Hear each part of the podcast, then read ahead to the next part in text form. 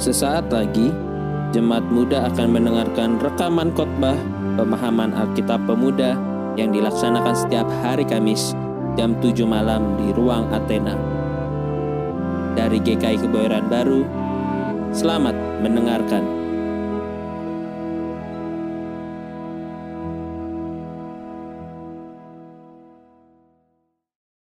Untuk kami menjadi bejana Engkau ya Tuhan.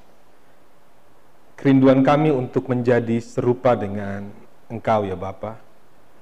Namun kami sadar dan kami mengaku kepada Engkau bahwa di dalam segala keterbatasan kami, kami sering kali jauh, bahkan sering kali berbuat dosa kepadamu ya Bapa. Dan pada saat ini, dengan berbagai cerita kami, dengan berbagai pergumulan, harapan-harapan kami, kami ingin menundukkan diri, kami ingin mendengarkan firman agar kami dapat mengerti apa yang Kau inginkan dari hidup kami. Agar kami dapat memiliki energi untuk menjadi serupa dengan Engkau ya Bapa. Pimpin kami ya Tuhan. Berikan kepada kami hikmat agar kami dapat memahami firman-Mu ya Bapa. Dari awal hingga akhir pembahasan PA malam ini, kami memohon pertolongan-Mu. Dalam nama Tuhan Yesus kami berdoa. Amin. Ya teman-teman kita akan uh, ber-PA kembali malam ini. Tema kita Ya, tema kita malam ini uh, tentang yakin nggak uh, sebuah pertanyaan uh, konfirmasi terhadap setiap pilihan-pilihan atau segala sesuatu yang sudah kita pikirkan. Yakin nggak dengan um, PA malam ini? Tadi kalau Ata, yakin nggak sih mau liburan bersama dengan papa mama? Yakin nggak uh, bisa kuliah di Jakarta? Yakin nggak dengan kesehatan kita? Yakin nggak dengan pilihan-pilihan uh, hidup kita? Pekerjaan, yakin nggak dengan tabungan kita, yakin nggak dengan uh, masa depan kita, sampai pada hal yang menyerempet pada tema kali ini ada, yakin nggak sih dengan pasangan hidup kita, atau yakin nggak sih dengan pacar kita, istri, suami, yakin nggak dengan orang yang kita cintai, ya, dan yang lebih membuat polemik atau membuat kita hidup dalam pergumulan tentang keyakinan kita yaitu kalau menyentuh level perbedaan iman. Tentu uh, ini bukan hal yang mudah di saat engkau mencintai baik cowok maupun cewek yang non Kristen, bisa Muslim, bisa Hindu, bisa Buddha. Nah, apakah apa pilihan kita terhadap cinta kita itu? Kita yakin gak sih dengan cinta kita kepada Dia atau kita yakin gak cinta kita kepada Tuhan? Dan ini menjadi sangat uh, sangat uh, aktual sekali karena mau tidak mau kita hidup di negara seperti Indonesia yang memang memiliki jumlah agama yang cukup banyak, multi etnik, multi budaya, yang mau nggak mau pasti akan ada perjumpaan dan dari mata turun ke hati. Setelah itu baru lihat, ya sayang, dia ke musola, dia ke pura, dia, dia ke tempat lain, gua ke gereja. Kapan kita bisa ke gereja bareng? Atau mungkin kapan kita bisa ke masjid bareng? Ini kan ini tentu tidak mudah dan uh, dalam uh, persiapan ini saya terbantu Harold ya buat kita ya. Uh, Harold hari ini memberikan lagunya Marcel ya lagunya Marcel Marcel pun mengalami itu dan lagunya sangat uh, ya sangat Marcel sekali tentang ya apa uh, Tuhan cinta kita sama cinta kita satu tapi Tuhan kita yang beda. Ya dan salah satu film yang mencerminkan hal ini dan film ini saya kira uh, cukup baik dan kalau teman-teman ada waktu untuk menonton ini film terbaik pada tahun 2010 Reza Rahardian dan Laura uh, Basuki menggambarkan tentang bagaimana pergumulan sulitnya uh, pacaran sampai nikah beda agama. Judulnya um, tiga, tiga, tiga dunia, dua hati, satu cinta. Film ini, um, saya kira film ini baik karena dia memberikan jawaban yang tidak terduga seperti banyak film yang harus pada akhirnya harus endingnya harus memilih. Tapi film ini justru memberikan lebih banyak opsi terkait dengan uh, pernikahan beda agama. Ya, mereka berdua uh, tetap dengan gaya masing-masing. Salah satu dialog di film ini yang begitu menyentuh adalah buat apa kita bahagia kalau banyak yang tersakiti? Karena ya mereka berdua sangat sangat saling mencintai tapi ya tentu saja keluarga tidak akan pernah setuju. Nah, saya ingin mengajak kita teman-teman untuk uh, memulai PA ini dengan diskusi bersama. Hmm, empat-empat saya empat-empat orang. Saya ingin agar kita semua bisa berbaur karena mungkin ada teman-teman dari UKI, ada juga mungkin teman-teman yang baru pertama kali hadir untuk uh, bisa bareng-bareng. Mungkin dari Rai bisa hitung 1, 2, 3, 4 untuk kita uh, membuat diskusi. Hah? Ya. Apa?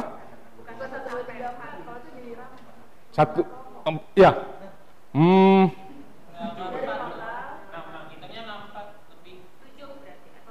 Ya, 8. 8 ya 8 8 hitung 8 ya. Satu. Ya. Lima.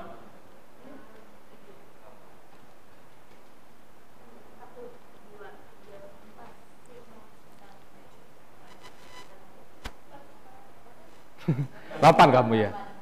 Satu.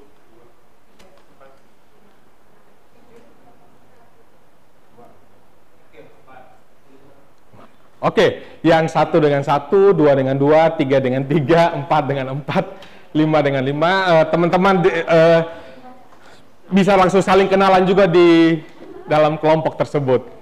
Oke? Okay?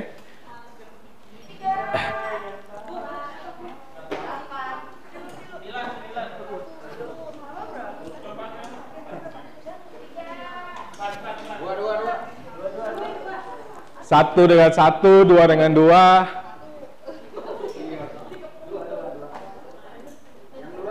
Empat dengan empat. Ya, ini uh, ini upaya untuk kita saling mengenal juga ya. Dalam kelompok kecil jauh lebih akrab untuk saling mengenal.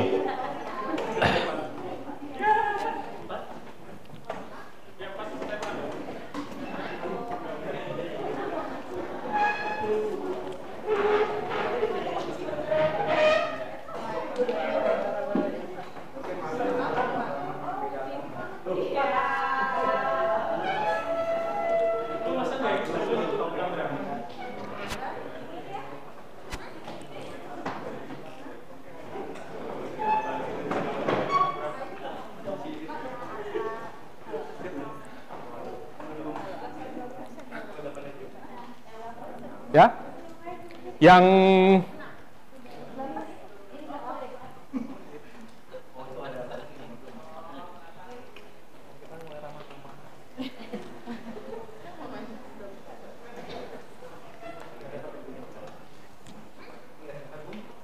ya masing-masing kenalan ya teman-teman. Jangan ada yang ini ya merasa terasing di dalam kelompok kecil.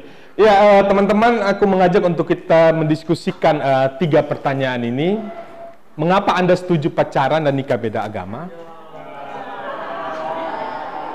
Kalau semua dalam kelompok tidak setuju, nggak oke okay aja. Tapi kalau ada yang setuju, mengapa? Mengapa Anda tidak setuju dengan tujuh pacaran dan nikah beda agama? Oke. Okay? Dan pertanyaan ketiga, Anda hanya setuju pacarannya, tapi tidak setuju menikahnya. Terus terang, banyak orang yang lebih setuju poin nomor tiga sih pacaran boleh, nikah enggak. Ya, tapi terserah teman-teman, silakan uh, mendiskusikannya. Anda setuju atau tidak? Kalau setuju kenapa? Kalau tidak kenapa? Alangkah baik kalau di dalam kelompok misalnya berempat, dua orang setuju, dua orang tidak setuju. Itu jauh lebih lebih tajam uh, diskusinya. Oke, silakan dimulai.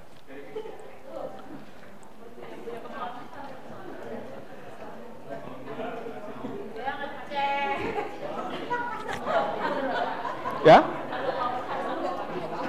Nggak harus. Nggak harus.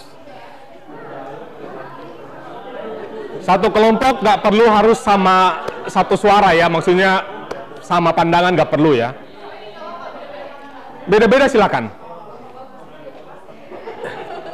Nanti yang penting disampaikan uh, di dalam kelompok kami ternyata ada pandangan A ada pandangan B.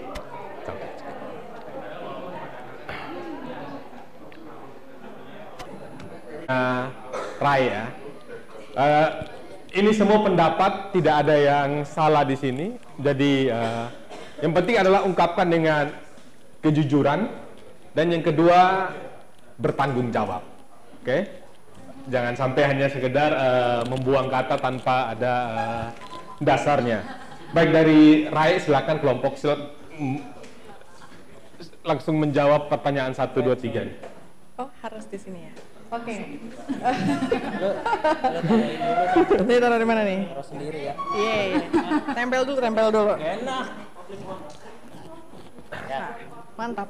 Oke, okay. um, sebenarnya sih mostly, nggak mostly ya, semuanya sih dari kita tuh secara pribadi um, prefer untuk di nomor dua gitu. Nggak setuju pacaran um, dan nikah beda agama. Alasannya karena um, sebenarnya agama itu yang kita pandang di sini adalah bukan agama as a religion sih, tapi spiritualitasnya gitu. Kalau misalnya secara dasarnya aja udah beda, itu gimana nantinya melanjutkan kelipan ya? E, melanjutkan kayak kehidupan bersama tuh bareng bareng-bareng gitu. Karena kalau misalnya menikah itu memutuskan untuk menikah itu terlalu lama untuk bersama orang e, yang yang menjadi pasangan kita gitu. Dibandingkan kayak misalnya kita single let's say e, married umur 26 tahun terus e, meninggal umur 70 tahun. Berarti kan secara lifetime itu um, kita panjang banget nih kalau misalnya sama nih pasangan gitu kan. Mau bertahan akan kayak gimana nantinya kalau misalnya dasarnya udah beda. Nah terus juga um, tapi juga di nomor satu um, aku tadi sempat uh, lempar juga sih. Sometimes sih aku setuju ya dengan pacaran uh, dan nikah beda agama. Karena gini uh, buat beberapa orang agama itu bukan jadi satu hal yang penting buat dia gitu karena um, anggaplah misalnya calling atau passion gitu yang um, tanpa memandang agama mana pun ataupun suku mana pun setiap orang tuh punya gitu. Sedangkan di dalam berpasangan sebenarnya kan pasangan yang kayak kelihatannya kayak hampir perfect itu adalah satu adalah seiman yang kedua bisa saling mendukung dalam panggilan dan juga um, passion masing-masing gitu. Yang tanpa yang kayak gue harus ngerjain ini gitu. Ini ini adalah panggilan gue. Tapi karena pasangan kita kita nggak bisa untuk all out ngerjain itu semua. Nah beda cerita kalau misalnya ada orang yang oh gue secara apa namanya menurut gue agama bukan satu hal yang penting gitu kan. Toh juga kita bisa saling mendukung satu sama lain gitu. Ya gimana ceritanya kalau misalnya ada orang yang agnostik atau ateis tapi sebenarnya secara KTP dia harus menuliskan agamanya kan. Terus juga nomor tiga gitu ada juga nih pandangan setuju sih pacaran tapi nggak setuju menikah beda agama. Itu ada salah satu dari kita um, bahkan mengalaminya. Terus um, siapa tuh? um, karena kita ngeliat gini ya, oke okay, pacaran itu mungkin buat beberapa orang adalah sesuatu yang serius untuk menuju pernikahan. Tapi ada juga orang yang melihat kalau misalnya pacaran itu sarana untuk um, kita belajar berelasi gitu. Jadi kita nggak bisa uh, ngejudge orang gitu. Ya lo harusnya pacaran tuh serius sekali sampai kepada pernikahan gitu kan. Kan ada tuh orang yang kayak gitu. Terus dia akhirnya ngejudge orang yang kayak dia gonta ganti pacar gitu pacaran udah kayak ih ngapain sih lu gonta ganti pacar gitu? Mantan lu udah banyak banget kayak gitu kan. Tapi juga orang yang mantannya banyak juga belum tentu dia kayaknya hina banget gitu. Ada juga yang orang yang kayak justru dia belajar berelasi belajar yang kayak bisa men menurunkan egonya dia itu dari berpacaran gitu. Terus dan sebenarnya gini sih tadi aku bilang juga kita nggak bisa me oke okay, itu masing-masing orang ya. Tapi kita juga nggak bisa me, me, me apa bahasanya? Me misalnya gini me bukan nomor oh kita kita gini kita kita berpikir oh gue tahan nih sampai di titik ini. Gue bisa kok cuman pacaran aja tanpa menikah gitu. Tapi balik lagi pacaran itu kita invest banyak hal. Invest hati perasaan waktu uang tenaga gitu kan. Nah terus itu pada satu titik yang kita mau putus gitu lo rela udah udah udah keluarin itu semua gitu. Udah itu kan itu pertanyaan lagi kan lo mau sampai berapa seberapa bertahannya gitu kan ya itu sih itu ya Oke, berikan tepuk tangan dong. Ini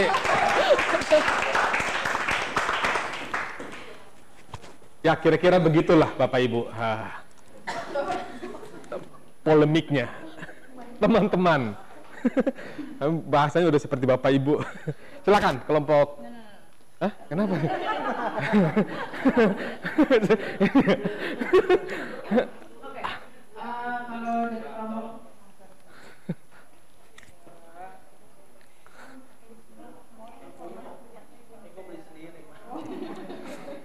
Kerekam uh, ya kalau dari kelompok kami uh, kalau pacaran sebenarnya ya silakan aja tapi memang kemudian mau dibawa ke mana gitu ya.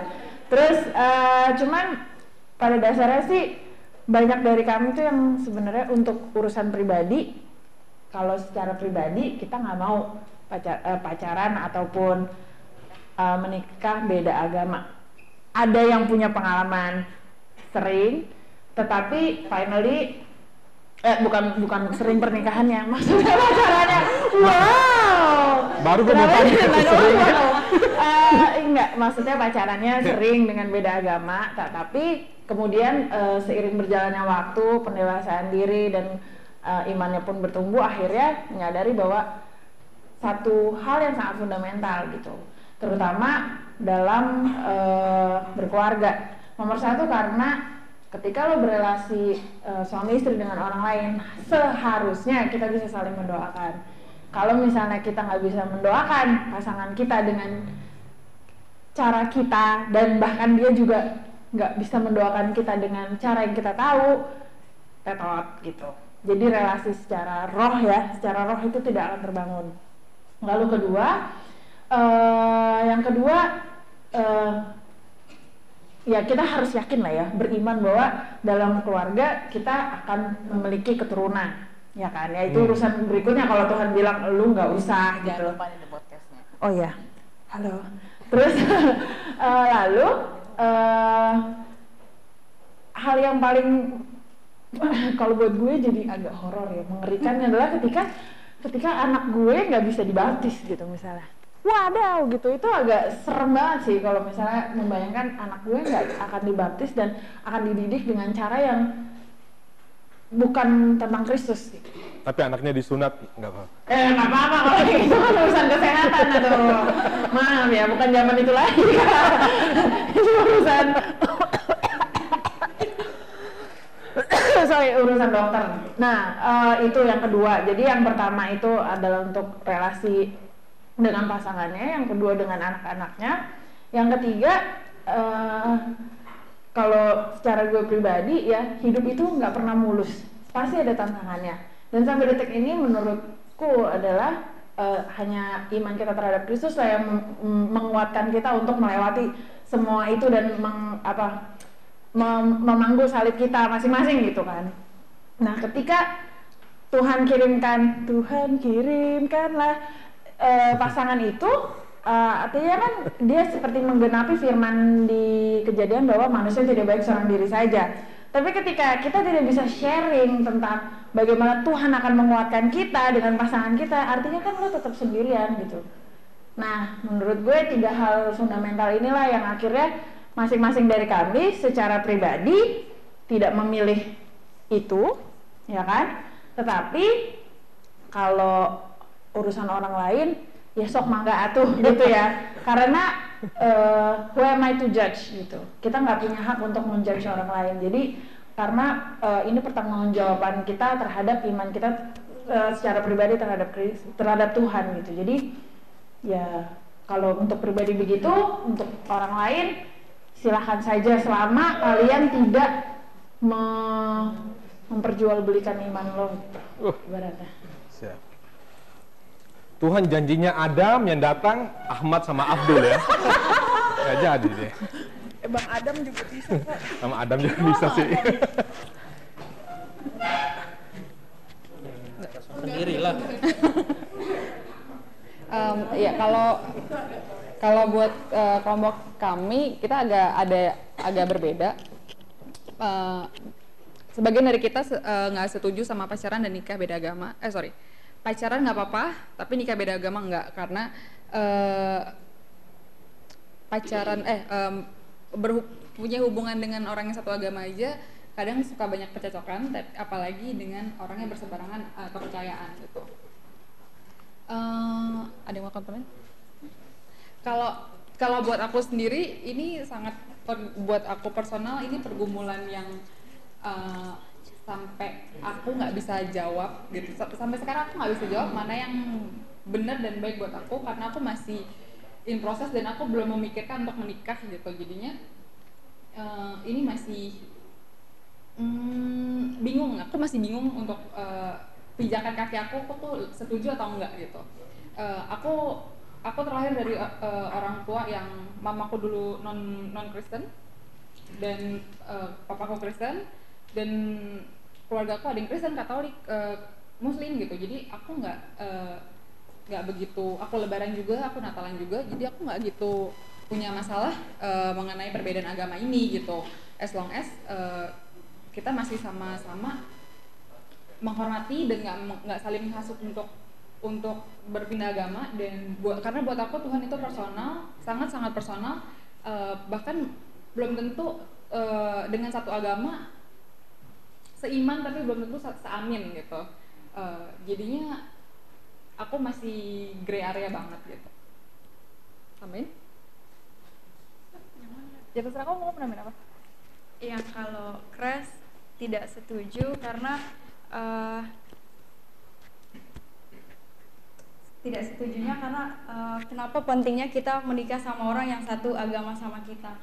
Dari hal kecil dulu dalam persiap, persiapan pernikahan itu pasti kita kan setiap uh, agama setiap uh, setiap gereja aja kita mempunyai adat dan tradisi yang berbeda. Yang sama dengan apalagi sama orang yang berseberangan agama sama kita pasti adat dan tradisinya juga berbeda. Jadi saya bukan kalau Chris itu bukan orang yang uh, tipenya yang ribet-ribet gitu. Jadi yang terus terus uh, misalnya nih misalnya kalau. Gak usah ribet ya. Misalnya kalau kita udah udah nikah nih sama orang yang uh, berbeda keyakinan sama kita kasihan sama anak-anak nantinya. Dia harus uh, ikut ke mana? Soalnya uh, pengalaman dari uh, oomnya Kres dia Katolik terus uh, istrinya muslim. Terus anaknya udah umur enam tahun sekarang. Dia um, papanya ke gereja dia ikut ke gereja terus mamanya ke masjid dia ikut ke masjid. Jadi tuh kayak bingung iya bingung sama identitas pasti dia pasti bingung juga identitas sama identitas dirinya itu uh, seperti apa. Terus kalau kita nikah sama uh, yang sama keyakinan sama kita kan kalau ibadah bisa pergi sama-sama. Terus uh, kalau kita sama-sama taat sama Tuhan ya bisa sama-sama untuk memuji dan memuliakan nama Tuhan terus uh, nomor tiga mengapa anda setuju pacaran tapi tidak setuju menikah beda agama? Uh, ini kalau menurut Kres uh, setuju pacaran tapi tidak setuju menikah. Karena Terus mikirnya gini, jadi kalau setiap kita pacaran kan kita belum tentu kita menikah, meskipun uh, dalam tahap pernikahan harus ada pacaran dalam itu sebagai masa pendekatan. Tapi kalau menurut Fresh kenapa setuju pacaran sama orang yang berbeda keyakinan, uh, itu menjadi suatu ini bukan satu permainan sih, tapi suatu media pembelajaran buat kita saling mengenal, saling menghargai. Dengan bermain. Tidak bermain tidak bermain uh, maksudnya bukan memainkan iya tapi untuk tetap uh, pembelajaran kita jadi kita lebih mengerti tentang agama mereka lebih juga tentang mengerti uh, agama kita oke okay.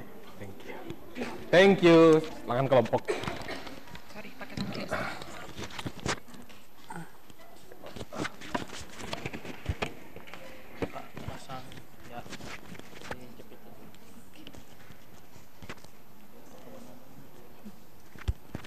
saya.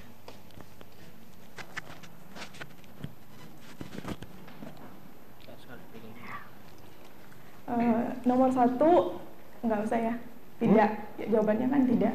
Hmm. Yang kedua, kenapa tidak setuju pacaran dan nikah beda agama? Karena yang pertama Tuhan itu nomor satu. Jadi pasti Tuhan itu di atas segala-galanya. Jadi itu mau uh, manusia siapa pun nggak akan bisa uh, apa ya menggeser itu gitu. Tuh, itu memang udah mutlak, sifatnya mutlak. Um, yang kedua karena kita nggak satu tujuan. Hmm. B, namanya kalau komitmen pasti harus sama satu tujuan tujuan kita tuh ke mana. Kalau beda tujuan ya susah. Kita satu yang satu tujuan aja suka ada masalah, apalagi yang beda tujuan. Pasti kita pasti pengen um, apa pasangan kita itu membawa kita uh, iman kita lebih bertumbuh. Jadi kalau nggak ada yang bisa kalau kita lagi ada apa-apa pasti kan coba baca ini gitu, baca Alkitab ini. Tapi kalau nggak ada yang bisa membuat kita bertumbuh ya susah juga. Baca Al-Quran. iya. Jadi ya. Ngerti bahasanya. Jadi itulah intinya intinya tuh nomor satu deh nomor satuan itu kita ada karena Tuhan gitu jadi mau mau manusia siapa pun pasti dia nomor dua nggak akan nggak akan bisa gitu mau dia bahkan orang tua kita pun atau apa keluarga Tuhan yang ciptakan jadi nggak mungkin nggak mungkin itu akan menggeser apa gitu pasti nomor satu itu Tuhan Yesus Hmm. Nah, um, apa lagi ya? Iman. Iman tadi udah. Nomor tiga? Nomor tiga. Ada pendapat? Nomor tiga pernah. Tapi kalau pernah, tapi bu. Siapa yang pernah ini? Oh ada yang pernah? Lima puluh persen, fifty fifty. Terus? Pernah, tapi benar memang bukan untuk Menikah. lanjut, iya. Memang cuman main-main. ya? Iya, coba-coba. Coba-coba. Jadi dari situ pun It's okay. Um, dari situ kita jadi tahu apa perbedaan kita dan um, perbedaan itu jadi membuat lebih kuat karena tahu perbedaannya apa. Karena kita tahu pertama bahwa kita itu sudah diselamatkan lebih dulu hmm. baru kita membalas. Sedangkan um, ada di lain bahwa mereka mengumpulkan berbuat baik kepada orang uh, kayak um, mohon maaf kalau mungkin agak ini pahala kita berbuat baik itu dapat pahala. Nah kalau aku yang kupelajari bahwa oh ya aku tahu kalau aku beda aku nggak aku nggak mengumpulkan. Karena aku sudah diselamatkan lebih dulu. Aku tinggal membalas. Jadi um, kalaupun aku membalas susah juga. Maksudnya nggak bisa aku balas. Nggak nggak akan bisa apa pun yang aku buat itu nggak aku udah diselamatkan lebih dulu gitu. Jadi langsung langsung kulihat oh ya ini perbedaannya gitu jadi memang nggak akan bisa memang nggak akan ketemu gitu. Memang dari itu aja udah udah ya, ya aku, aku tahu itu bahwa ini berbeda itu bahas itu ya? Iya. Luar biasa. Iya. Itu dan dari situ aku tahu bahwa um, di di walaupun nggak pernah aku baca secara langsung karena aku nggak tahu nggak ngerti. Di situ tertulis bahwa uh, di di di Al-Quran itu tertulis bahwa akulah jalan dan kebenaran dan hidup tidak ada seorang pun yang pergi ke Bapa tanpa, tanpa melalui aku aku tahu itu ada tertulis tetapi memang tidak ditekankan gitu hmm. tidak di mungkin tidak dibahas, dibahas secara ini tapi aku tahu bahwa oh iya dan aku jadi lebih kuat di Kristen karena aku tahu itu. Gitu. Terima kasih. Itu ya. Ada dari kelompok lain? Oke, lanjut Go. Terima kasih ya. Kelompoknya Kevin, Eci, Aldi.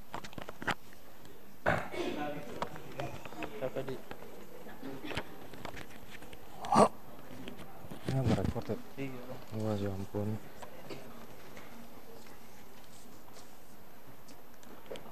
Kalau dari tim kita uh, sebenarnya nggak ada alasan yang uh, berdiri sendiri-sendiri dari tiga pertanyaan ini.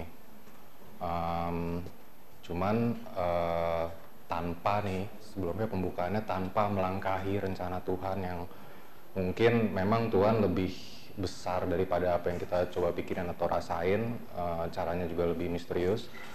Jadi uh, walaupun kita basicnya nggak setuju ya nggak setuju dengan uh, pacaran dan nikah beda agama tapi bisa aja maksudnya dari mungkin masing-masing dari kita ada ketemu dengan orang yang mungkin jalannya untuk orang itu mungkin eh, ya mungkin diselamatkan atau apa itu dari kita gitu.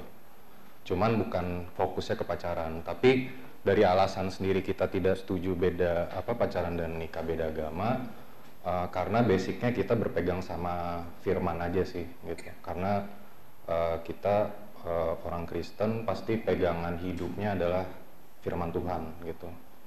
Eh, seperti yang kalau boleh ngutip nih bang dari Boleh ayatnya. Dari 2 Korintus 6 ayat 14 Janganlah kamu merupakan pasangan yang tidak seimbang dengan orang-orang yang tak percaya, sebab persamaan apakah terdapat antara kebenaran dan kedurhakaan, atau bagaimanakah terang dapat bersatu dengan gelap. Hmm. Eh, dari sini aja sih udah bisa jadi pegangan sih gitu untuk eh, apa eh, isu untuk pacaran dan Beda nikah beda agama. Gitu. Em, yang kedua alasannya eh, karena kalau misalkan nih, misalkan mau dicoba pacaran, habis itu nikah beda agama, eh, apa em, pembelajaran dari agama A dan B, itu pasti ada perbedaan gitu. Nah perbedaan ini yang mungkin bisa menjadi eh, suatu eh, permasalahan di pas menjalaninya nanti ke depannya gitu. Itu yang tiga apa lagi tadi? Dan dan untuk nanti eh, keturunannya juga eh, kita harus berpikir juga gitu. Kita hmm, kita sudah pasti akan memberikan eh, suatu pekerjaan rumah gitu untuk mereka eh, menganalisa itu sendiri gitu dan balik lagi gitu eh, balik lagi eh, yang kebenaran yang eh, yang sudah kita ketahui adalah jalan keselamatan itu adalah eh, Di dari dalam Tuhan Yesus jadi itu udah titik di situ sih bang itu aja Itu aja ya. Ada yang lain? Tambah? Cukup. Oke. Terima kasih Raldi dan teman-teman.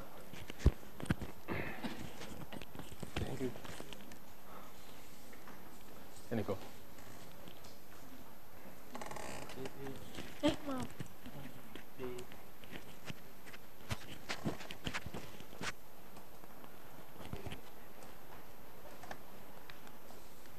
Cek. Dari kami sih ada dua pendapat. Yang pertama itu setuju. Selama nikah beda agama tidak terjadi konflik itu tidak masalah. Itu pendapat pertama. Yang pendapat kedua itu pendapat saya dan pendapat kakak tidak setujunya karena dari kita beda nikah beda agama saja udah be- dari kita nikah udah beda agama bagaimana selanjutnya? Kalau seandainya terjadi segala sesuatu kita harus kembali ke mana? Artinya kita itu harus kembali ke dasar bagaimana kita bisa satu. Sementara kita nikah beda agama tapi kita tidak bisa nyatu. Itu bakalan terjadi konflik banyak terjadi konflik yang tidak diinginkan. Oh misalnya eh, misalnya gini si istri ingin ini si suami ingin ini.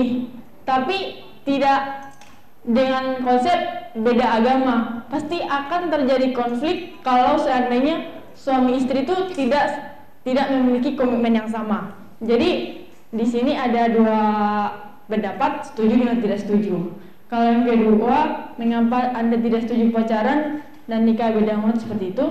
Terus yang ketiga mengapa anda setuju pacaran tapi tidak setuju menikah beda agama. Kalau menurut kami sih itu percuma buang-buang waktu. Itu buang-buang waktu. Karena percuma pacaran tapi tidak nikah. Sia-sia kan. Buang uang buang segala sesuatu. Jadi kayak gimana gitu ya? Nggak nggak ada faedahnya. Tapi kalau hanya kalau hanya seperti kalau hanya pacaran tapi tidak jadi nikah lebih baik berteman saja lebih baik berteman saja kalau kalau selain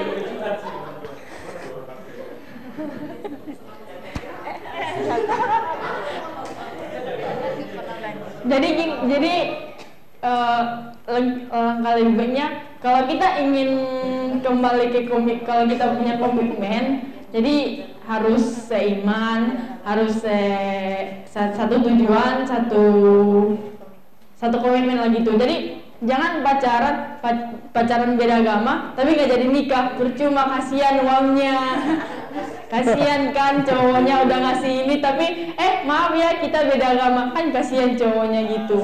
Jadi lebih baik kalau hanya sebatas ingin tahu tentang agama dia agama ini lebih baik kita berteman saja. Terima Gitu. kasih. Terima kasih. Silakan Gung.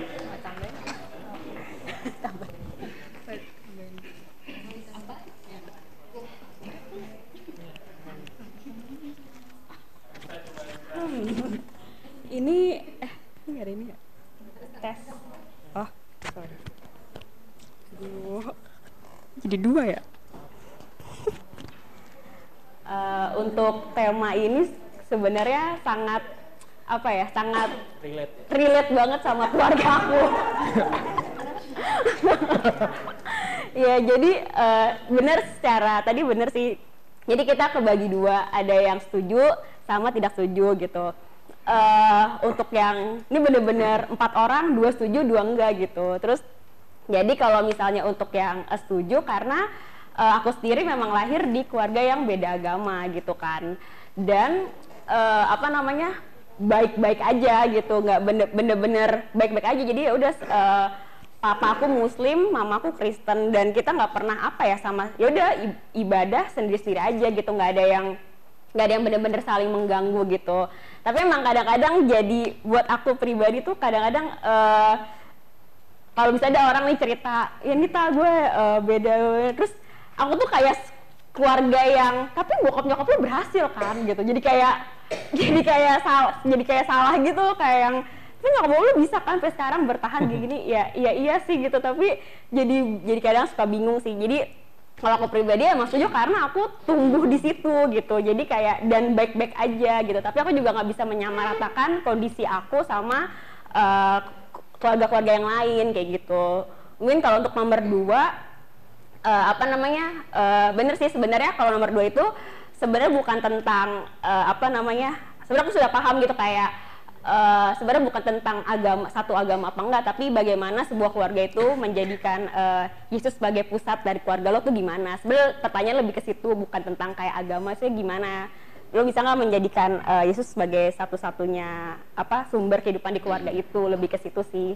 Kalau yang nomor dua eh, terus eh, apa namanya eh, tapi ya gitu jadi kayak kebagi dua aja. Karena ya karena pengalaman kami eh pengalaman aku dan pengalaman dia juga gitu kayak apa kalau dia dari NTT di sana tuh kayak biasa kayak gitu tuh hal suatu hal yang biasa gitu yang bener-bener eh, menikah beda agama tuh kayak suatu hal biasa di daerah kamu kan ya? Iya kalau kalau kalau kalau aku tumbuh di situ gitu. Kakak aku juga istrinya juga beda gitu. Terus eh, udah sudah menikah dan istrinya beda agama. Terus gimana soal anak? Tak ribet nggak? Mereka kayak udah punya komitmen aja gitu. Anak mau ikut siapa? Apa gimana? Kayak udah jadi ya baik-baik aja gitu. Jadi ya lebaran ya lebaran ya natal ya natal. Dan kalau dibilang eh, menyakiti keluarga pas segala macem itu lagi-lagi aku nggak ngalamin itu gitu. Jadi kayak semuanya baik-baik aja kayak gitu. Tapi kalau untuk nomor tiga emang kita nggak setuju karena itu buang waktu gitu. Ngapain kayak pacaran kayak coba-coba. Terus ya karena emang kalau misalnya pacaran ya sebenarnya ujungnya inginnya sih menikah gitu kan kalau cuman pacaran-pacaran aja kayak ya benar kita invest invest banyak hal di situ kayak gitu kan kayak gitu aja sih Mantap. Sekarang enggak Loh. Loh. Loh, kok? Kok jadi persoalan ini?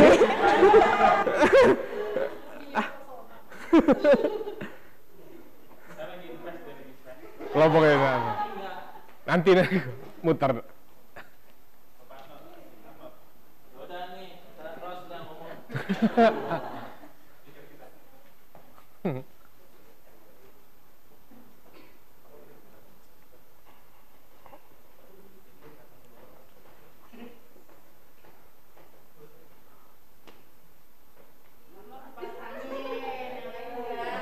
Ya laki.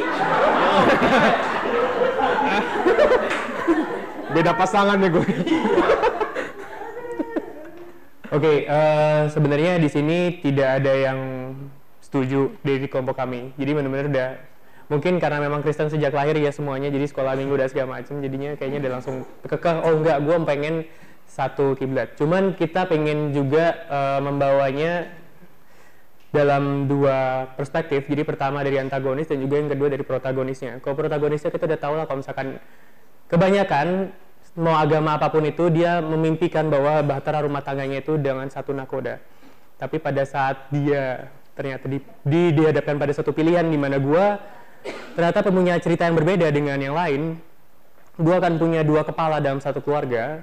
eh, apakah kita, bagaimana kita harus menghadapi itu gitu? Maksudnya bagaimana kita bisa merespon itu? Kalau dari kami melihat juga ada kemungkinan di mana seseorang itu bisa dipilih oleh yang maha kuasa. Eh, mungkin Tuhan Yesus, Bunda Maria, eh, Buddha dan juga eh, Nabi Muhammad mereka lagi ngobrol ngerokok-ngerokok eh lucu juga kalau misalkan kita Siapa yang ngerokok? gabungin ya nggak tahu salah satu Oh, dari salah mereka ya.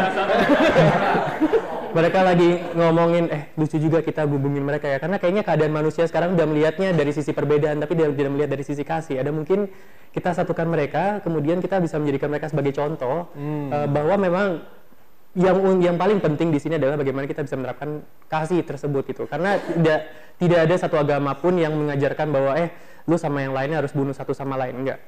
Masing-masing mengajarkan bagaimana kita bisa mengasihi itu dan bisa mencerminkan bahwa oh gua di open bible dari apa yang gua pelajarin. Ada kemungkinan seperti itu. Jadi kalaupun ternyata teman kami saudara kami ada yang mengalami atau memilih untuk mengambil cawan tersebut walaupun dia tahu konsekuensinya apa kami tidak akan mungkin untuk eh, menjudge atau menguliahi mereka bahwa nggak nggak boleh lo kayak gini lah lo ngapain sih? Enggak. Tapi kita pengen tahu apa sih dasar mereka untuk mau meminum cawan itu yang pertama. Dan kedua eh, kami yakin mereka juga tahu konsekuensinya apa. Jadi kita cuman kasih semangat dan bantu doa. Itu kali ya. Jadi kalau misalnya dari tiga pertanyaan ini lebih kedua tapi nggak secara sefrontal itu sih untuk bilang tidak setuju. Tapi kalau memang itu dihadapkan pada orang lain kalau di pada diri sendiri kita berusaha untuk tidak minum cawan tersebut. Tapi kalau misalkan ada orang lain yang meminta saran kita kita juga tidak mengatakan bahwa jangan gitu. Gitu sih. Ada lagi tambahan dari teman-teman? Eh, dari kelompok dari kelompok ini dulu. Dari kelompok ini. Ya. ya? Udah. Nanti Om ya untuk menanggapinya nanti. Ini kelompok dulu. Oke, kelompoknya Keisha. Baru terakhir kelompok tengah.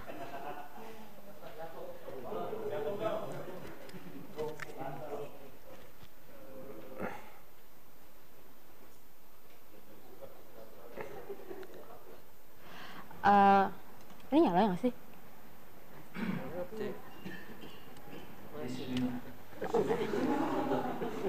Alhamdulillah. Kalau dari kelompok kami sih kebanyakan ke yang nomor dua ya, nggak setuju gitu. Karena ya mungkin tadi udah dijelasin banyak juga eh, selain dari nilainya. eh, karena kan kalau misalnya untuk pacaran dan menikah juga kayak ya yang penting adalah satu tujuan, satu punya satu visi gitu. Kalau misalnya beda ya nggak nggak akan bisa sampai ke tujuan yang sama pada waktu yang bersamaan juga gitu. Jadi mesti jelas juga kalau misalnya dari sisi sosial juga sebenarnya banyak dampaknya karena kan ya balik tadi nggak mengkondem ya maksudnya nggak mengeneralisir semua konteks sama cuman eh, pasti kan akan ada kecenderungan di konteks keluarga misalnya anak akan bingung misalnya papanya ke kanan mamanya ke kiri gitu gimana ke depannya.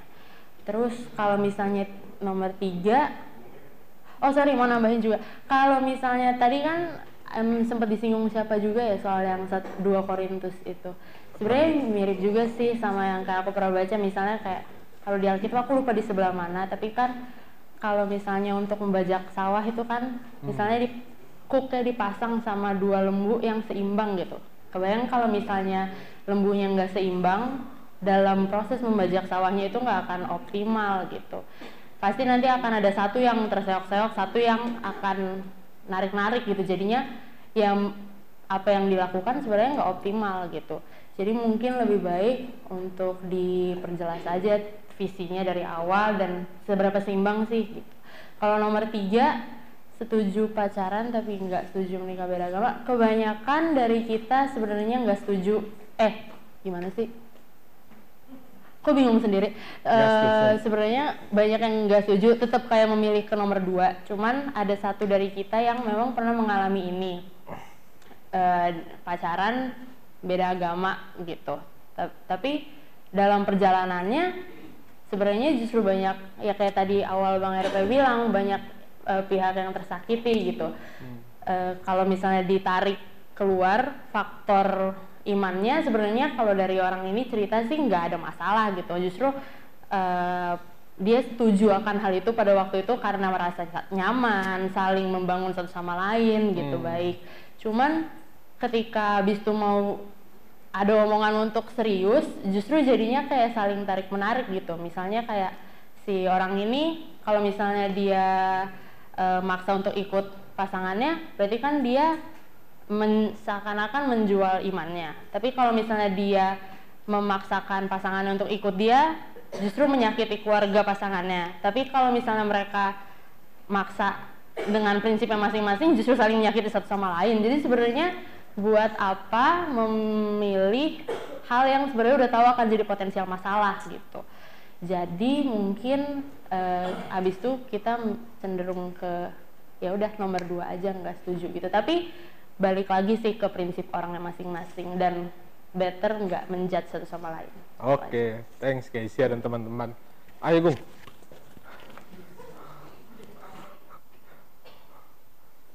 Kayak kelompoknya Oci.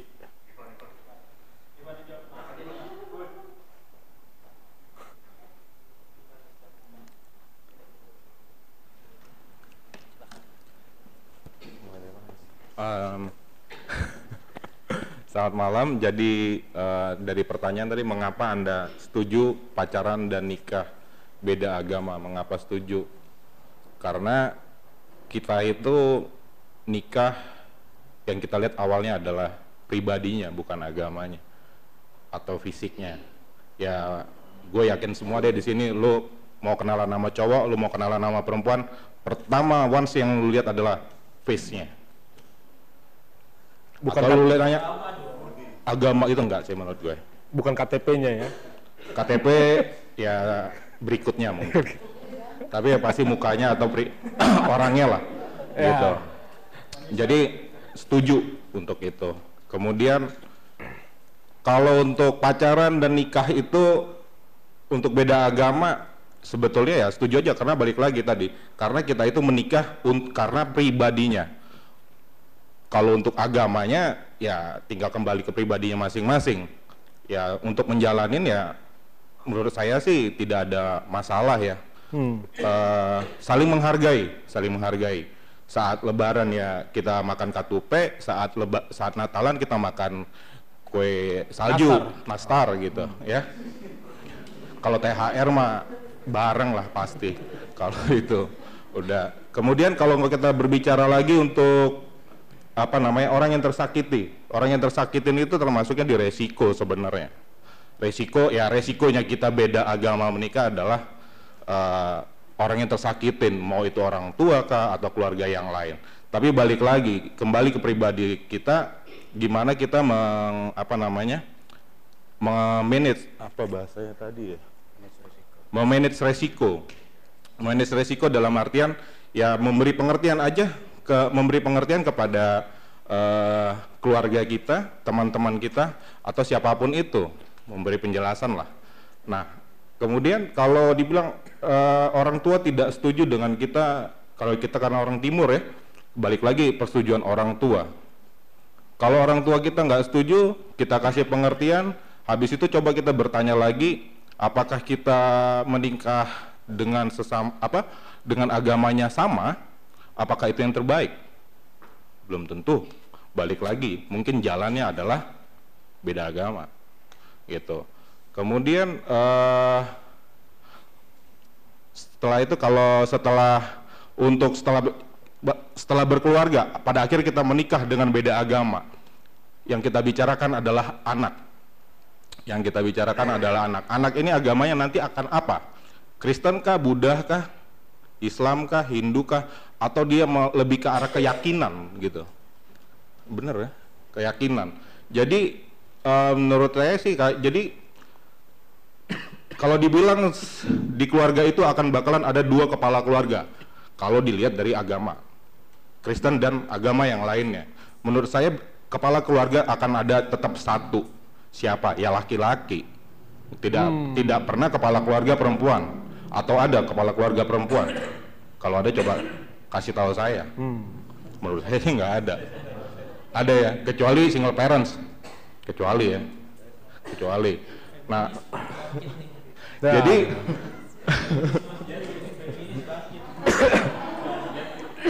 jadi balik eh, kepala keluarga adalah laki-laki. Balik lagi, laki-lakinya itu Kristen kah atau yang lainnya kah? Jadi ya anak-anak menurut saya akan ngikutin di situnya untuk ke depannya. Jadi kurang lebih ya apa pun itu kita menikah beda agama, kita pacaran beda agama, ya kalau berteman umum lah ya. Ya kalau berteman resikonya nggak ada. Ya ada aja ada aja. Kalau dulu bilang ya, lu coba deh coba-coba deh main jumatan kayak apa main-main sholat jumat main-main ke musola kayak apa gitu main-main aja gitu. Kan bisa aja. Godaan seperti itu kayak kita pernah membahas berapa minggu lalu ya masalah apa duri dalam daging itu ya namanya juga teman ya gitu tergantung kita balik lagi intinya kalau menurut saya adalah memanage resiko yang ada ya lu tahu ini melakukan ini ada resikonya lah tergantung lu kayak gimana begitu Gitu ya. kurang lebih Siap. Ada mau tambahin dari kelompok? Cukup? Banyak betul ya eh, pandangannya, pemahamannya, pengalamannya. Ini eh, ya begitulah. Sadar risikonya katanya. Eh, ya teman-teman, semoga eh, siapa pun yang tadi bicara, teman-teman yang lain tidak bicara, teman-teman kelompok yang mendengar, sungguh-sungguh mendengar ya, karena tadi eh, saya kira itu hal yang baik, pengalaman yang suara-suara yang otentik, yang kita mendapatkan pemahaman yang lebih luas tentang pacaran atau nikah beda agama. Semoga eh, memperkaya kita. Nah tentu saja sebagai orang Kristen, setuju atau tidak setuju, itu itu soal lain, tapi yang paling penting bagi saya, Anda harus memiliki pemahaman iman yang tepat untuk menjelaskan. Setuju atau tidak setuju itu pilihan pribadi. Tapi memahami apa yang har, apa yang menjadi bagian dari seorang Kristen itu tujuan dari PA. Itu tujuan dari gereja untuk mendidik umatnya, mengetahui dan melakukan uh, ya das solen and das sein biasanya beda. Apa yang seharusnya dan apa yang eh, terjadi biasanya beda. Tapi paling tidak kita tahu yang apa yang Tuhan ajarkan. Dan hari ini kita akan bersama-sama dan su- ayatnya Bro Raldi adalah ayat yang akan kita bahas hari ini. Yaitu dari 2 Korintus 6, teman-teman bisa membukanya.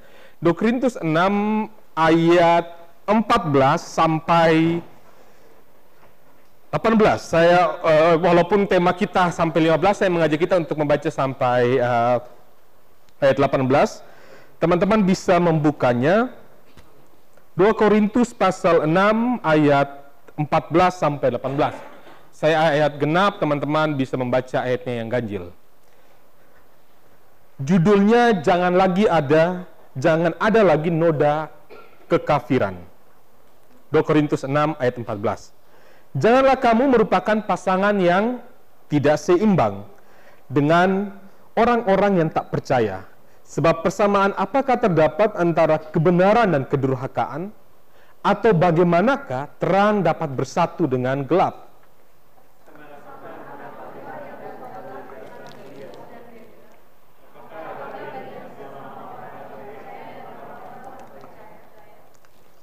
Apakah hubungan bait Allah dengan berhala? Karena kita adalah bait dari Allah yang hidup menurut firman Allah ini. Aku akan diam bersama-sama dengan mereka dan hidup di tengah-tengah mereka. Dan aku akan menjadi Allah mereka dan mereka akan menjadi umatku.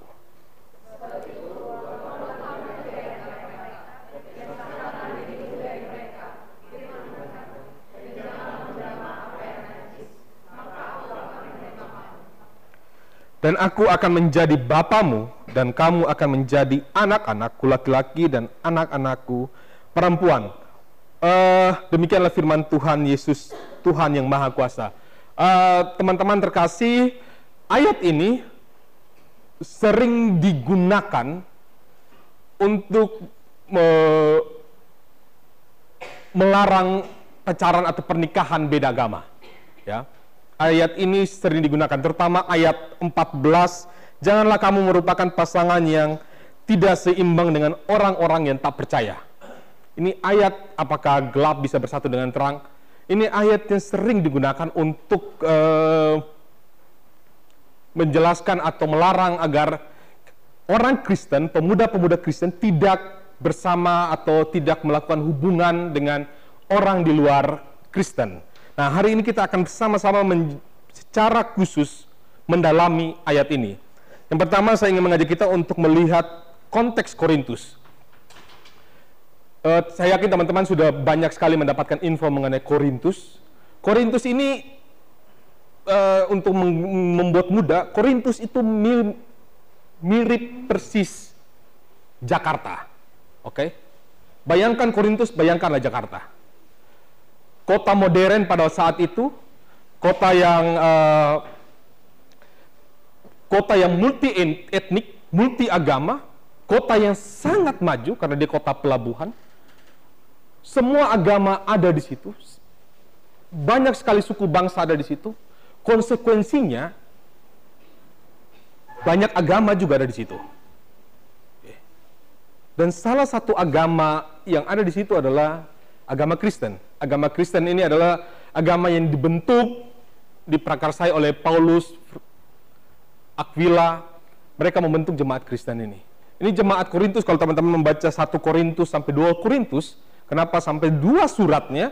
Karena jemaat Korintus ini jemaat yang luar biasa. Hebat, pintar. Kalau baca satu Korintus itu ya, banyak karunia satu, tapi satu tubuh, itu adalah surat Paulus kepada jemaat di Korintus karena mereka memiliki sekian banyak karunia, sekian banyak kemampuan. Namun ya walaupun mereka memiliki banyak sekali kelebihan-kelebihan sebagai sebuah jemaat, mereka memiliki banyak juga masalah. Masalah di internal mereka, percecokan, eh, meninggikan siapa yang paling terbesar, siapa yang lebih tinggi kedudukan antara Yahudi atau Yunani, dan lain sebagainya. Terus terang saat membaca Korintus, pikiran saya terekam betul di GKI Kebayoran Baru. Gereja yang multi etnik, banyak sekali potensinya, tetapi pergumulan dan tantangan di dalam gerejanya sendiri itu sangat banyak. Ya, jadi tantangan di dalam gereja sendiri banyak, belum lagi tantangan di luar. Dan tantangan di luar ini dalam konteks Korintus adalah yang kita sering sebut dengan sinkretisme, penggabungan, penyatuan berbagai aliran-aliran agama. Jadi tidak ada lagi beda antara ini Kristen, ini agama pagan, ini penyembah Yesus, ini penyembah dewa, hampir tidak ada bedanya. Dan kalau kita jujur, bukankah saat ini pun kita mengalami hal itu? Apa perbedaan Kristen dengan agama lain di saat ini? Ya. Tadi Arnold sempat mengatakan bahwa ya semuanya bicara soal kasih. Semua menentang kejahatan. Lalu apa perbedaannya? Kalau perbedaannya baik, tentu saja kita patut bersyukur. Tapi bagaimana kalau kita sama di dalam hal yang jahat? Dan yang terjadi di dalam orang Korintus, di dalam jemaat Korintus, mereka melakukan hal yang jahat yang sama dengan orang-orang yang bukan jemaat Kristen. Dan salah satu persoalan mereka adalah soal seks bebas. Percabulan dan, dan persinahan begitu terjadi dengan begitu gamblang karena apa? Terjadi nah, penyembahan terhadap dewa dan dewi lewat penyembahan penyerahan tubuh, pernikahan-pernikahan suci yang dewa dan dewi mereka persembahkan itu. Maka terjadi hal yang sangat-sangat eh, menggelikan, menggelisahkan Paulus. Bahwa kok sama kelakuan antara or jemaat di Korintus dan orang Korintus. Tidak ada lagi eh, perbedaannya. Maka Paulus Paulus dengan tegas dan keras ingin melarang hal ini. Jadi saya harap buat teman-teman mengerti betul konteks dari Korintus. Terjadi hubungan yang kotor antara dunia dan gereja. Gereja tidak menggarami dunia, malah dunia yang menggarami gereja. Oke. Dan men- menjadi sama. Tidak lagi bedanya. Maka Paulus mengatakan di dalam 2 Korintus 6 ayat 14, jangan lagi kamu merupakan pasangan yang tidak seimbang. Ini artinya apa sih? Apa yang Paulus ingin katakan? Apakah Paulus ingin menyampaikan tentang pernikahan kah? Apakah yang Paulus tuju ini tentang pacaran atau apa? Mari kita lihat uh, 2 Korintus 6 ayat 4 ayat 14. Menjadi pasangan yang tidak seimbang ini dari akar katanya yaitu heterosugeo yang artinya yang artinya adalah teman-teman yang sebenarnya adalah melarang pengawinan ternak dengan jenis ternak yang berbeda. Jadi tidak boleh ada seperti yang tadi Keisha sudah katakan, uh, tidak boleh ada dua dua dasar yang sama untuk kita memasukkan ternak di dalam sebuah kandang, atau tidak boleh ada pengawinan uh, dua jenis ternak yang berbeda.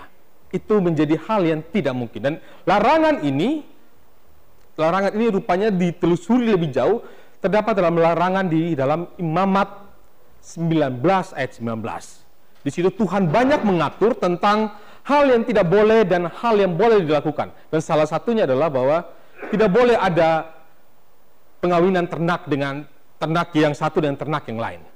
Dan ayat ini kemudian dipakai oleh Paulus untuk mengatakan bahwa engkau tidak boleh sama seimbang dengan orang yang tidak mengenal Tuhan. Apakah dengan ini Paulus uh, tidak setuju terhadap pernikahan beda agama? Ini menjadi menarik, teman-teman. Ini yang penting untuk kita hari ini. Paulus justru lebih dalam daripada itu. Paulus justru tidak sekedar membahas soal nikah. Bagi Paulus nikah itu persoalan penting, tapi itu bukan persoalan utamanya. Justru Paulus ingin mengajak menegur orang-orang Korintus dan kita semua untuk hal yang lebih penting daripada soal apakah engkau akan menikah atau melakukan hubungan dengan orang yang tidak mengenal Tuhan adalah soal bagaimana engkau tetap mempertahankan kekudusanmu. Jadi ini bukan hanya soal orang yang tidak mengenal Tuhan, bahkan lebih dalam daripada itu adalah ini soal ini soal sesama Kristen yang ternyata kehidupannya itu tidak seimbang. Yang tidak seimbang ini adalah orang yang tidak hidup di dalam kekudusan Tuhan. Ya. Jadi ini bukan soal ini lebih terutama bukan lebih bukan soal kita dengan orang di luar Kristen, tetapi ini juga termasuk kita dengan sesama Kristen. Karena Paulus menghajar betul ini soal kekudusan dan kita akan sampai ke situ. Jadi di antara kita pun Paulus bisa mengatakan bahwa aku dan kamu tidak se tidak seimbang. Karena apa? Ya, kamu sekedar Kristen. Kamu tidak sungguh-sungguh kudus di hadapan Tuhan. Ya. Jadi Paulus di sini jelas bahwa kalau engkau memikirkan soal beda agama, beda iman, pikirkan betul soal apakah engkau sudah kudus. Apakah kehidupanmu sudah kudus? Apa itu kudus, teman-teman? Ada yang bisa tebak? Sorry, bukan tebak. Masa dengan pemuda GKI Kebayoran Baru, tebak-tebakan. Kudus, ada yang bisa menjawab apa itu kudus? Apa sih artinya kudus? Kuduslah kamu maka aku kudus kata Tuhan. Lalu Tuhan meminta kita kudus. Mampu nggak teman-teman eh, manusia bisa kudus? Hmm? Enggak. Kalau enggak ngapain Tuhan minta? Mampu nggak? Jadi Tuhan hanya apa? Beretorika dengan kata-katanya yang tidak mungkin apa? Apa sih kudus itu? Hmm? Iya, itu itu termasuk ada yang lebih lebih dalam lagi. Itu termasuk melawan kedagingan. Apa sih itu kudus? Yesus saat menjadi manusia dia kudus atau enggak? Hah? Yesus saat menjadi Tuhan kudus. Yesus adalah Tuhan. Manusia tidak kudus. Saat Yesus menjadi manusia, dia kudus atau tidak? Hah? Mengapa? Hah? Apa? Karena dia taat. Oke. Ada lagi? Silakan. Hah? Tidak cacat dan bercela. Ada lagi? Melakukan sifat Allah. Karakter Tuhan. Ya, itu benar semua. Makanya pertanyaannya, apakah manusia bisa kudus? Hah? Eh, bisa atau tidak ya?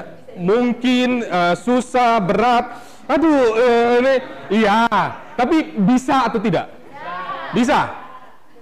Ya teman-teman, manusia bisa kudus. Kemungkinannya dari mana? Kemungkinannya dari Kristus.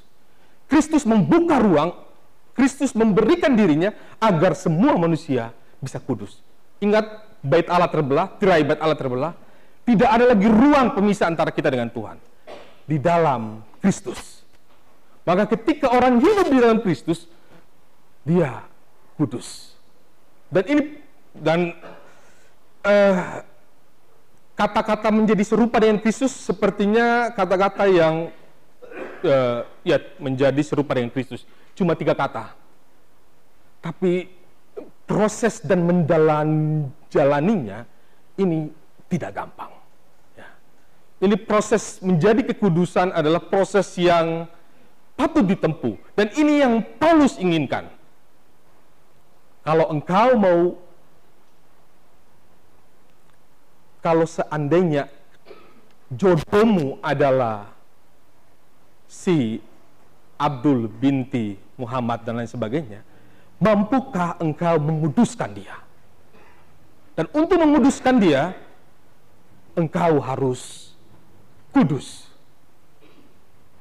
Kudus dari bahasa Ibrani kadosi. Kadosi itu artinya terpisah. Allah terpisah dengan manusia. Jadi kalau kita mau kudus, kita harus terpisah dengan kehidupan duniawi. Kita berada di dunia tapi tidak menjadi sama dengan dunia. Dan ini terus terang tidak tidak gampang.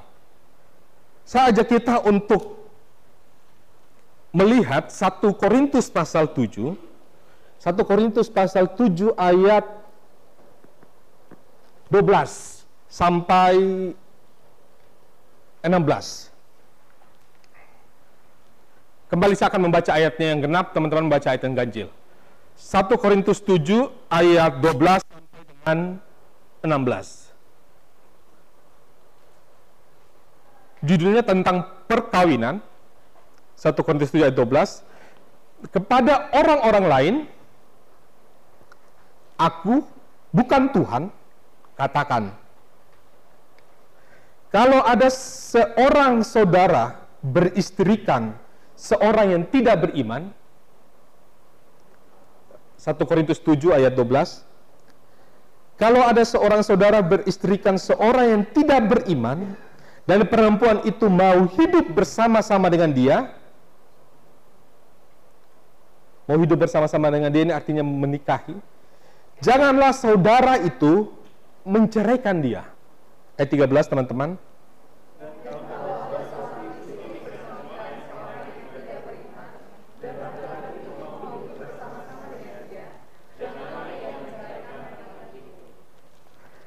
Karena suami yang tidak beriman itu dikuduskan oleh istrinya. Dan istri yang tidak beriman itu dikuduskan oleh suaminya. Andai kata tidak demikian, niscaya anak-anakmu adalah anak-anak cemar. Tetapi sekarang mereka adalah anak-anak kudus. Ayat 15.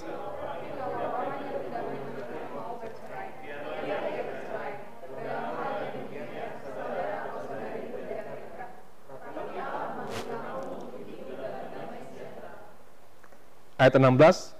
Sebab bagaimanakah engkau mengetahui, hai istri, apakah engkau tidak akan menyelamatkan suamimu?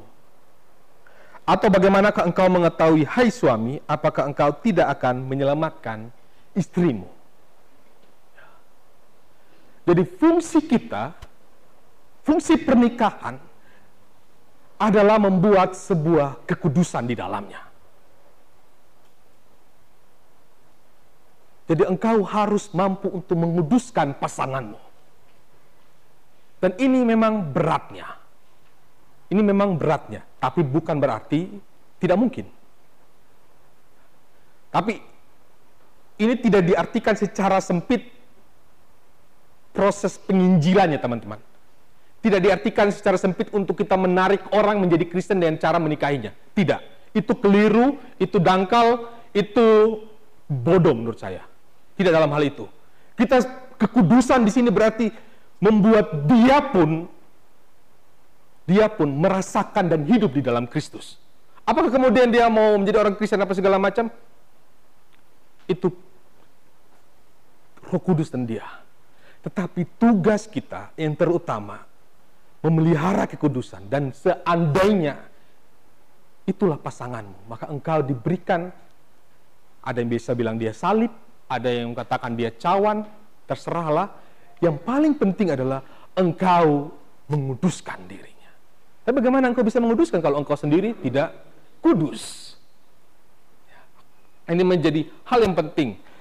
Di dalam perjanjian lama, bagaimana tradisinya? Atau bagaimana berita-berita di perjanjian lama? Ada tiga sikap di perjanjian lama. Yang pertama, Tuhan melarang pernikahan campuran pernikahan beda agama. Yang kedua, Tuhan menunjukkan di kitab ulangan misalnya bahwa seandainya engkau berperang melawan sebuah kota yang tidak mengenal Tuhan, lalu ketika engkau melihat bahwa ada perempuan-perempuan di situ, nikahilah dia. Di dalam perjanjian lama pun Tuhan ada yang menyuruh untuk orang Yahudi yang telah mengenal Tuhan menikahi orang non Yahudi. Orang yang tidak mengenal Tuhan. Dengan tujuan agar mereka pun mengenal Tuhan. Ya. Dan masih banyak contoh lagi, ya nabi-nabi kita aja misalnya. Ya. Yusuf, Musa, dan tokoh-tokoh lain menikahi orang yang di luar agama Yahudi, di luar orang yang mengenal Adonai atau Yahweh itu. Tujuannya adalah satu agar mereka pun mengenal dan menyembah Tuhan. Maka ya, maka poin berikutnya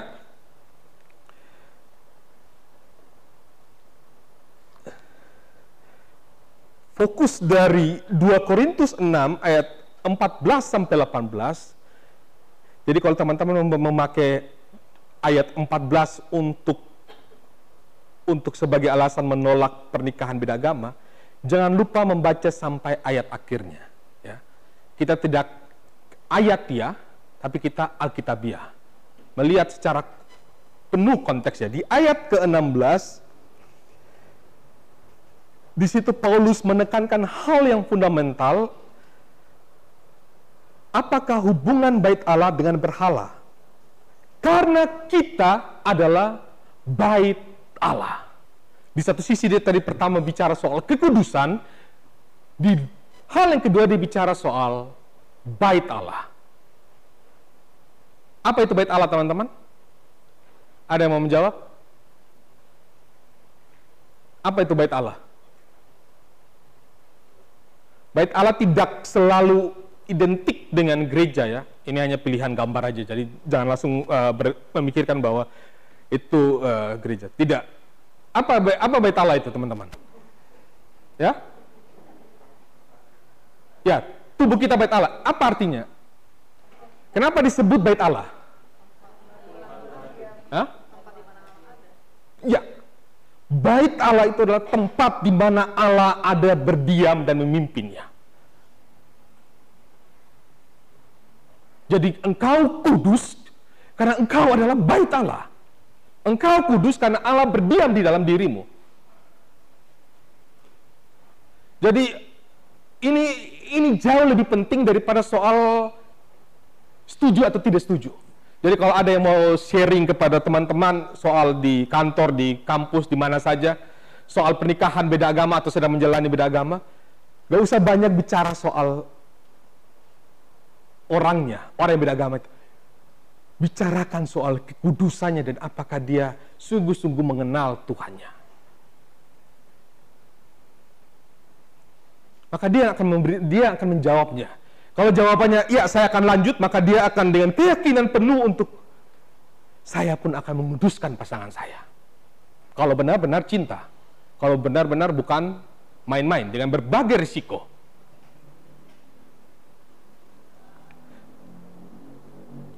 Ya pertanyaan-pertanyaan ini sebenarnya sudah sudah terekam di dalam diskusi kita. Yang pertama yakin gak sih Anda telah hidup kudus? Hidup kudus ini bukan bukan melakukan perintah-perintah agama ya. Hidup kudus ini soal spiritual, soal nadi darahmu, soal engkau menjalaninya dengan seperti apa hidupmu. Itulah kudus.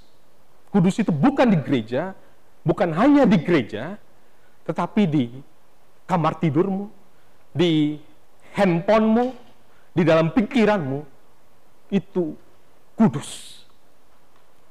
Yakin gak Anda bertahan dalam iman? Yakin gak bahwa Anda adalah bait Allah? Anda bisa menjawab yakin, enggak yakin, ya suatu waktu yakin, suatu waktu enggak. Yakin nggak dapat menguduskan pasangan Anda? Ini pertanyaan-pertanyaan yang seharusnya bagi siapa pun di antara kita yang sedang bergumul dengan pasangan hidup dan sudah didoakan, sudah di semua usaha sudah tapi kok kayaknya hanya persoalan agama kembali tanya kepada Tuhan. Dan mungkin engkau harus melihat kekudusan dirimu. Saat engkau melihat kekudusan dirimu, maka engkau punya cara pandang yang berbeda terhadap pasanganmu. Ini bukan soal menginjili, ini bukan soal sekedar punya anak atau enggak. Ini soal engkau dan Tuhan, identitas dirimu. Ini ini soal siapa engkau. Karena ini yang ini yang diinginkan oleh oleh Paulus. Ya, uh, ini kesimpulan, walaupun menurut saya sendiri bukan sebuah kesimpulan karena saat mengakhiri ini pun rupanya banyak sekali pertanyaan pertanyaan-pertanyaan yang kembali hadir di kepala saya mengenai topik ini. Yakin gak adalah sebuah keraguan. Dan bagi saya, keraguan itu adalah bagian dari iman. Aku ragu, maka aku hidup dalam Tuhan. Jadi kalau Anda ragu, ingat identitas Anda adalah kudus. Maka kembali kepada Tuhan. Keraguan bukan untuk membuat kita berhenti berjalan, namun upaya kita untuk selalu mengingat Tuhan yang adalah kudus, agar kita selalu hidup kudus. Karena kita sedang hidup di dalam berbagai pilihan, berbagai tawaran. Siapa kita sangat menentukan pilihan-pilihan hidup kita.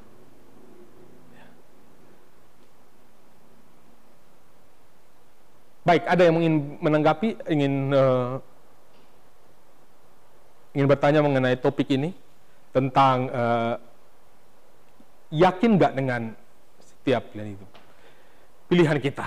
Dan ini bukan hanya soal ingat yang Paulus tekankan di ayat 14, bukan hanya soal pasangan, tapi ini soal apa pun dalam hidup kita yang membuat kita tidak seimbang dengan uang kita, dengan harapan-harapan kita, dengan ambisi kita, dengan mimpi-mimpi kita, itu dapat membuat kita menjadi orang yang tidak seimbang. Kita hanya bisa menyeimbangkan itu dengan takut akan Tuhan dan kekudusan itu. Jadi Paulus lebih li- lihatnya, Paulus melihatnya lebih umum daripada sekedar persoalan hubungan antara perempuan dan laki-laki. Ini soal yang lebih umum bahwa harus terjadi pemisahan antara yang Kristen yang mengikut Yesus secara sungguh-sungguh dan orang yang tidak mengikut Yesus secara sungguh-sungguh. Oke, ada yang bertanya? Ya, silakan. Ya. Ya. Ya. Ya,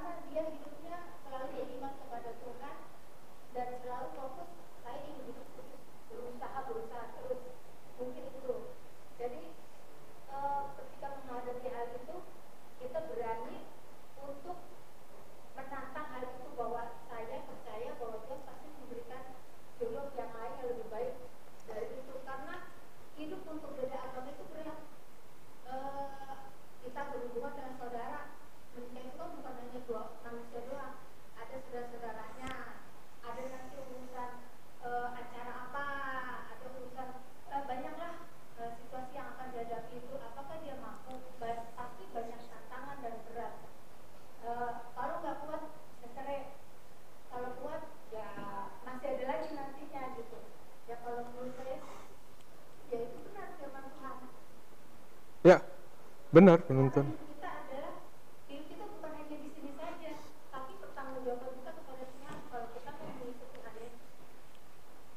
Ya, betul sekali.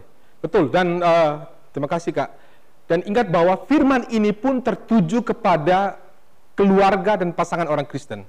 Banyak pasangan Kristen yang hidupnya justru tidak seimbang, ya, dengan pasangannya tidak seimbang. Oke, banyak orang yang tidak menjalani kehidupan keluarga Kristen di dalam kekudusan dalam Tuhan. Mereka hanya, ya, kita sudah beda apa, sama agama, persoalan-persoalan duniawi eh, itu gampang diselesaikan, tapi tidak memelihara kekudusan. Maka kembali Paulus sedang membicarakan soal bagaimana agar kehidupannya seimbang anak-anak Tuhan. Ya. Tidak lebih gampang orang yang nikah seagama. Ya. Ada sekian banyak contoh. Tapi ini bukan untuk men- mengatakan bahwa begitu kita nikah beda agama. Tidak. Begitu pula tidak banyak juga nikah beda agama yang justru memperlihatkan ke keluarga Kristen. Tapi ini juga tidak menggeneralisir bahwa kalau gitu kita pernikahan beda agama. Lagi kembali soal bagaimana engkau bisa menjaga kekudusan dan membangun rumah tanggamu di dalam Tuhan. Baik, ada lagi yang mau uh, merespon atau yang menanggapi?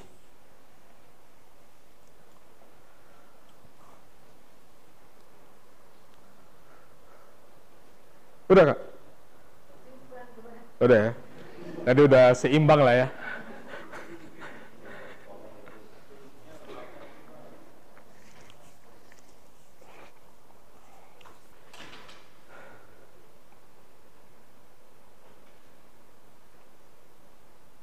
Ya? Udah udah jelas semua teman-teman? Jelas ya. Jadi eh, menggunakan ayat secara tepat, secara komprehensif dan melihat melihat eh, secara utuh soal pendidikan beda agama. Dan tentu saja harus mempertimbangkan hukum di negara kita ya, yang memang eh, cukup sulit untuk eh, membuat orang bisa nikah beda agama. Ya, itu faktor-faktor yang penting sekali untuk diperhitungkan.